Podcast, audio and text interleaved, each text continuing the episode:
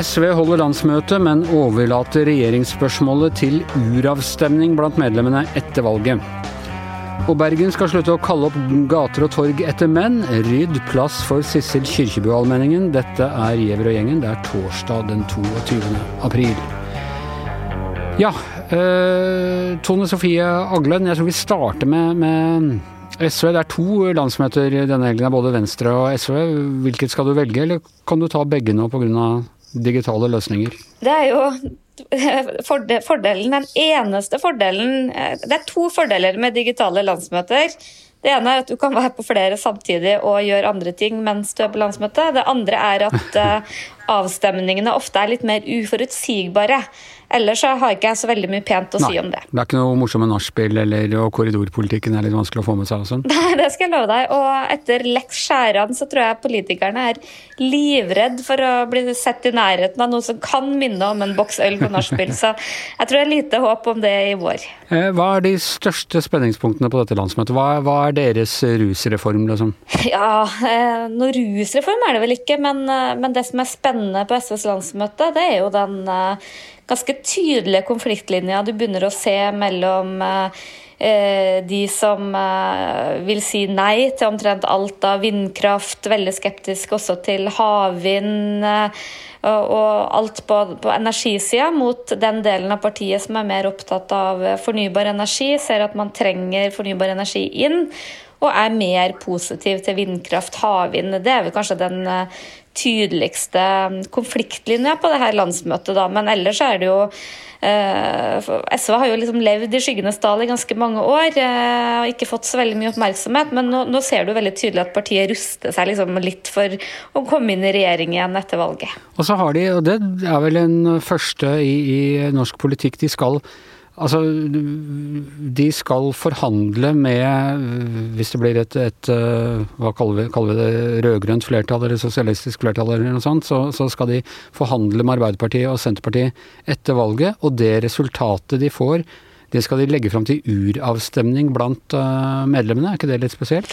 Jo, det er uh, noe nytt som er foreslått inn i programmet. Vi har jo sett uh, flere av partiene har jo begynt mer med uravstemninger i nominasjoner og sånn, men nå vet vi jo ikke hvem SV skal forhandle med etter valget. da. Senterpartiet vil jo foreløpig ikke forhandle med dem, men det kan jo snu. Men men eh, det er litt sånn basert på de erfaringene SV gjorde seg sist de satt i regjering. Det var et veldig sånn skadeskutt parti som eh, forlot regjeringskontorene. Eh, de holdt på å gå i forvitring, kom så vidt over sperregrensa. Og de har liksom lært en del av de feilene de gjorde i forrige runde. Og jeg tror En av de, tingene som vil være veldig viktig for SV nå, er å forankre partiorganisasjonen. Få de liksom med seg, eh, og kanskje også binde litt sånn bråkmakerne til masta. Istedenfor at du får på en måte ett regjerings-SV som er entusiastisk, og så får du et parti som står utafor og ikke skjønner noen verdens ting. Så jeg tror der, eh, det er en del av den strategien, da. Hva gjør de, Hanne Skartvedt, politisk redaktør i VG, hva gjør SV hvis de får eh, et forhandlingsresultat som de legger fram, og så får de 52 for å gå i regjering, og 48% mot? Nei, Jeg syns det er et utrolig eh, forslag. Og jeg skulle likt å visst å høre hva Det må vi spørre Jonas Gahr Støre og Trygve Slagsvold Vedum om hva de tenker om det. Eh, allerede forrige gang, i 2005, så eh, har jo Jens Stoltenberg ettertid klaga over hvordan de stadig måtte forankre SV. Hadde ikke mandat i noe særlig grad inn i de forhandlingene, måtte stadig forankre bakover i partiorganisasjonen. Og nå skal de ikke bare liksom gå tilbake for hvert lille forslag for å høre hva de andre mener, de skal jaggu meg legge det ut til folkeavstemning. Jo, men er ikke, er ikke en fordel? At, at, unnskyld, la meg ringe Rogaland SV. Altså, nå har de mandat til å forhandle, og så er det sluttresultatet. Er ikke det mer ryddig, egentlig, enn å skulle drive og holde på med hver minste lille rovdyr og, og ulv og, og, sånne ting? Nei, det blir veldig kronglete hvis tre partier sammen skal både bli enige seg imellom, hvor i forhandling hvor du må gi og ta, og så skal, hvis da de to andre også skal forankre ved en uravstemning etterpå For så første, SV-ere blir jo aldri fornøyd med resultatet. De skal jo ha maks uansett. Og det gjør at det blir en veldig vanskelig forhandlingssituasjon, og jeg kan ikke skjønne hvordan det der er praktiserbart, altså. Men da kan det hende at SV ikke blir med i regjering. Hvilken katastrofe syns du det er? Var det et ledende spørsmål, Anders? Nei, jeg tror landet kan leve godt med det. Hva okay. tror du, Anders? Uh, ja, nei, jeg er, jeg er journalist, jeg, så jeg er helt nøytral i dette spørsmålet. Og det er så gøy å spørre deg på sånne ting tilbake. Ja, ja, ja, nei, det, det, har jeg rett og slett ikke tenkt helt, helt over. Det er andre ting som jeg har vært opptatt av med dette valgresultatet. Roar Hagen, vår tegner. Nå skal du da tegne SVs landsmøte. Da er det fram med sosionomene og hestehalen og rødvin og sofaradikalismen igjen, da? Ja, jeg har jo alltid likt SV-folk. Og nå kjenner jeg jo også på savnet etter Hallgeir Langeland, min gamle venn. Synd at han er ute. Du er litt kultur-SV-er, du? ja, ja, SV Sånn som noen er kulturkristne, så er du litt kultur-SV-er? Roar bor jo på Nesodden, vi må ikke glemme det. SV er alltid, alltid hyggelig, vet du. Men det er jo som Hanne nevner her, at, at, at jeg får et problem med å være effektive i regjering. Og det, og det er jo Selv etter åtte år som regjeringsparti, så, så sliter de fortsatt ennå med, med å forholde seg til makt. Og har jo liksom i sitt DNA å være et, et mer sånn politisk seminar da, uh, som står på utsida. Men, men jeg syns det er veldig bra om SV blir med i en regjering. og og det speiler jo bredden i, politikken. Jeg tror det blir spennende. Eh, Tone Sofie, eh, da Audun Lysbakken ble partileder, han, han, han kom litt skeivt ut i, i, starten, for det var vel omtrent samtidig med at han uh, eh, mista statsrådjobben. Og han var også litt sånn framstilt som litt sånn dogmatisk uh, ungsosialist som skulle legge ned børsen og, og levde litt i sånn 70-talls uh, ideer. Men han har virkelig fått grep på det partiet og på sin egen posisjon der i løpet av de siste årene? Ja, det vil jeg si. Og det var jo ikke bare det at han framsto som litt sånn dogmatisk eh, sint eh, bergenser. Han, han, var jo det. Han var jo veldig nesten revolusjonær i sin ungdom, og som, som for så vidt mange har vært.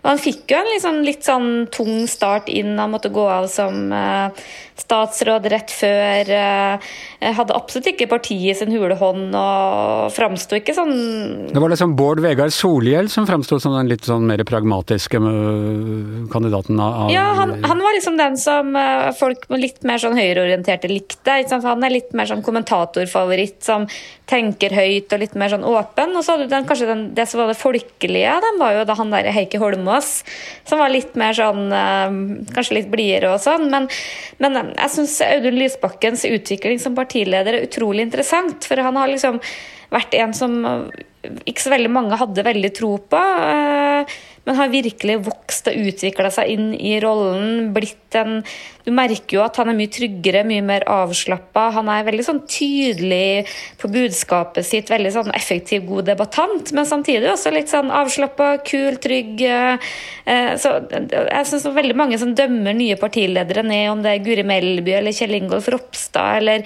bør liksom se litt på historien. For det er veldig få som kommer inn eh, som sånn superstjerner. og og gjør det veldig bra. Det tar tid å både bygge profil og få den tryggheten og, og, og, det som trengs. Og der er han i aller høyeste grad og framstår i dag som en veldig sånn vellykka partileder.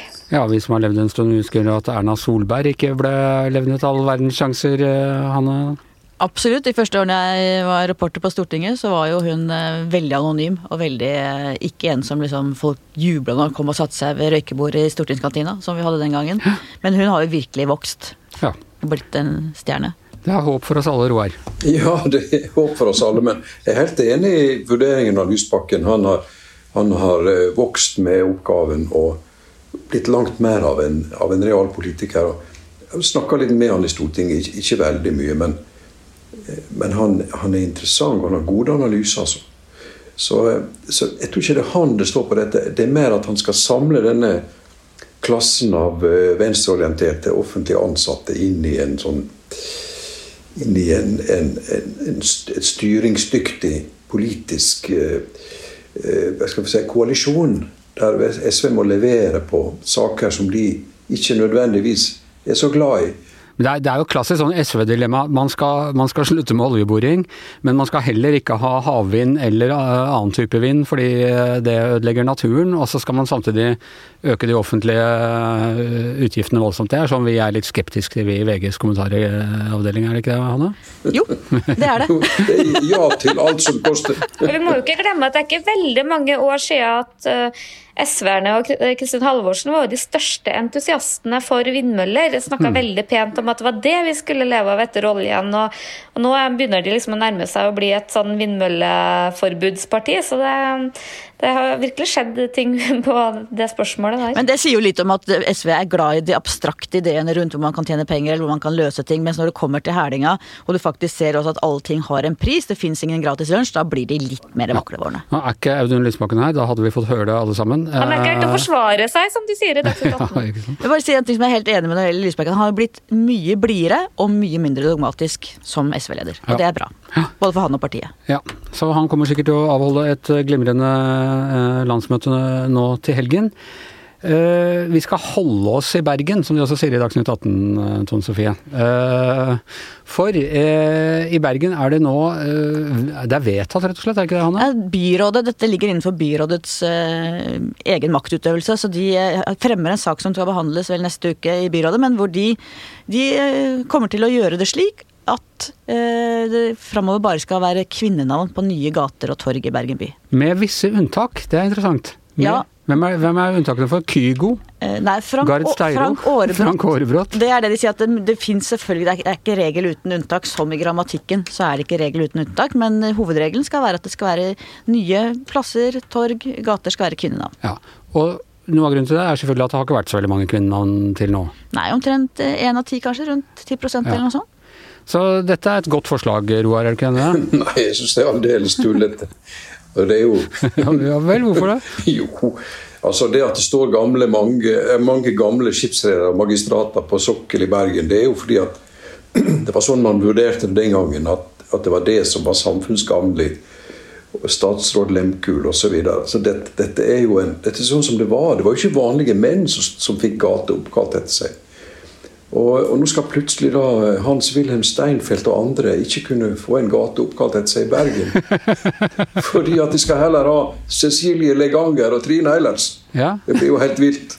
Ja, hvorfor er ikke det vilt? Jeg vil, jeg, Trine Eilertsen-plass syns jeg er uh, Høres vel så hyggelig ut som Hans-Wilhelm Steinfeld uh, allé? Ja, men det må ikke være sånn at Ole Torp og Hans-Wilhelm Steinfeld ikke skal kunne få en gate opp fordi de er menn. Det er jo veldig reaksjonært. Nå må vi jo uansett håpe at debatten om de navnene dere nevner der ligger veldig langt fram i tid, for hovedregelen er at de som skal oppkalles, skal være døde. Ja. Du, du, eh, får ikke gatt så lenge du lever. Nei, jo, i utgangspunktet får du ikke det. Det er mulig det finnes unntak der også, som det finnes med at man fortsatt skal kunne navngi gateredde menn i Bergen unntaksvis, men hovedregelen er at det må være folk som ikke lenger lever. Antagelig av frykt for hva man kan finne på etter at man har fått en gate oppkalt etter seg. Kanskje man da gjør et eller annet helt sinnssykt. Men Roar, selv om man aksepterer din uh noe reaksjonær argumentasjon her om at dette var jo store menn som har, har, bygget byen og sånne ting. Nå er det jo ikke sånn lenger. Eh, at det bare er menn som, som, eh, bygger samfunnet. Nå er det jo like mye kvinnene. Og når man da har et såpass stort underskudd på kvinnene, er ikke det rimelig at det er omtrent eh, at man streber mot at det er 50-50? Ja? Jo, du, men du sa det nettopp. Nå er det også kvinnene. og Jeg gleder, la ikke være noen tvil om, jeg, jeg gleder meg veldig stort over alle kvinner får framgang og, og, suksess i samfunnet, som får gata oppkalt etter seg. Men, men det må jo, vi må jo vurdere det på lik linje, ut fra prestasjonen, uavhengig av kjønn. Det er jo det som er framskritt og likestilling. Det å skulle bøte på, bøte på gamle synder med å, å, å, nekte menn å kunne få en gate oppkalt etter seg i framtida, det er jo bare å snu saken på hodet. Ja, men det snur ikke på hodet om, om, du prioriterer kvinner under eller slike forhold, som det heter i, i all sånn uh... Hvis det var det som var sagt, men jeg oppfatter ikke vedtaket slik. Det er kvinner som skal få sine gatenavn, med unntak for menn av typen årebrott, som er jo veldig få av. Ok, eh, Tone Sofie, du har bedt om ordet. ja, å blande meg inn i den debatten. Vi hadde jo en ganske heftig diskusjon på morgensmøtet i dag. og Jeg måtte litt sånn beskjemmet stå fram og støtte Roar i, i denne debatten. Eller, for jeg er jo helt enig i at, uh, at man skal prioritere å være bevisst på kvinnenavn og ta igjen litt for den der skjevheten. Men jeg syns det er ganske stor forskjell på å si liksom, at det skal være en hovedregel, og at det bare helt unntaksvis skal oppkalles etter menn. For jeg mener jo at det skal være prestasjoner som, eh, som avgjør. Og det kan jo være i dag at også menn kan gjøre bra ting da, og fortjene å bli oppkalt etter seg. Men jeg syns det har vært mye Bergen her, så jeg må trekke tilbake til Trøndelag litt. og der har vi hatt en del runder hvor man hadde veldig mange skoler som var oppkalt etter menn. Vi hadde Ole Vik videregående skole, man hadde Adolf Øyen, Olav Duun. Så man gjorde et litt sånn krafttak for å få en del kvinnenavn på videregående skoler. Og det ble jo veldig sånn, mye sånne ukjente navn, men øh, folk venner seg jo på det etter hvert, da. Jeg må jo si at jeg går rundt i en øh, by full av gater oppkalt etter menn, og jeg vet knapt hvem noen av dem er i det hele tatt, så det glemmer man jo nesten uansett. Jeg slår opp i Oslo byleksikon for å se, og så er det en eller annen gammel grosserer eller noe sånt som bodde, bodde, i området. Men det var jo et bilde fra den tida, tenker jeg da. Ja, ikke sant. Men tidene forandrer seg jo, og det er jo ikke noe galt å modernisere og følge med i tida. Overhodet ikke. Nå er det jo veldig få både nye gater og torg som skal navngis i en kommune eller en bydel i løpet av et år, så det tar ganske lang tid å og bare, ikke bare gjenopprette, men å endre litt på denne balansen. Og når Roar sier at det vanlige menn altså det er veldig mange kvinner som ikke er vanlige, men svært uvanlige kvinner, som fortjener et navn på sokkelen. Og jeg leste i dag om, jeg vet ikke om dere kjenner til Eva Kløvstads plass i Hamar? Nei, det var en som het Helene Kløvstad som oversatte Donald de første årgangene av Donald Duck. Med hun, het, hennes, hun het Eva Jørgensen under krigen. Hun eh, ledet eh, langt over 1000 hjemmefrontmenn eh, på slutten av krigen, etter at Gestapo knuste hjemmefrontgruppa på Hamar. Eh, og da hjemmefronten skulle ha, marsjere foran Slottet og få sin heder av Stortinget, så fikk ikke hun gå der fordi hun var kvinne. Så hun sto ved siden av med et sånt lite flagg og følte seg ganske oversett. Hun har nå, i fjor, 75 år etter krigen, så har man laget Eva Kløstads plass i Hamar. Det syns jeg er en nydelig historie. Og hun er bare ett av veldig mange eksempler på viktige kvinner opp gjennom historien som er oversett av de som skriver historien, av de som eh, bestemmer navn på gater og torg.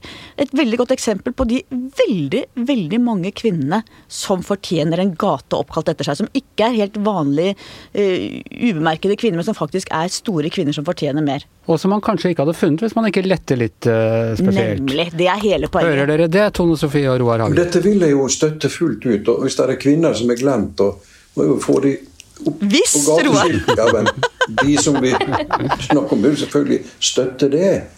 Men det kan jo ikke forhindre at kvinner og menn skal vurderes på like fot i framtida. Men når det altså har vært så ulike fot i hundrevis av år, og du da har den enorme skjevheten som du faktisk har med at kanskje én av ti navnegater i ulike byer i Norge har et kvinnenavn. Så er det klart at du må ta aktive grep. Det er det politikk handler om. Å ta aktive grep for å rette opp de skjevhetene. Og for de unge kvinnene og jentene som vokser opp i dag og ser da på en måte skal speile seg i er de, hvem er det de følger, hva er det de skal leve opp til, så er det klart at det er veldig feil at det stort sett er mannenavn alle steder de selv bor, går på besøk hos venner og venninner, bestemor og bestefar.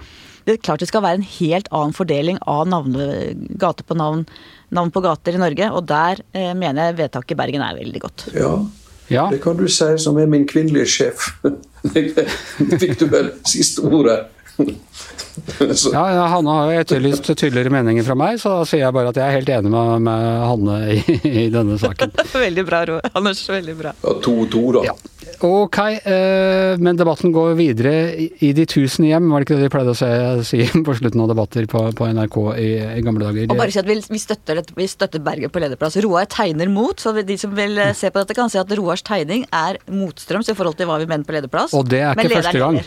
Nei. Det de sier på Dagsnytt 18, Anders, er at dette er ikke siste gang vi diskuterer dette temaet. Dette er ikke siste gang vi diskuterer dette temaet, men det er det kanskje er det, jeg, vet ikke, jeg vet ikke hvor mye det er mer å diskutere det her. Gjever og Gjenger er i hvert fall over for denne gang. I hvert sitt hjemmestudio. Roar Hagen og Tone Sofie Aglen. Her i studio sitter Hanne Skartveit og Anders Giæver, og det er som vanlig Magnhild Antonsen som har produsert.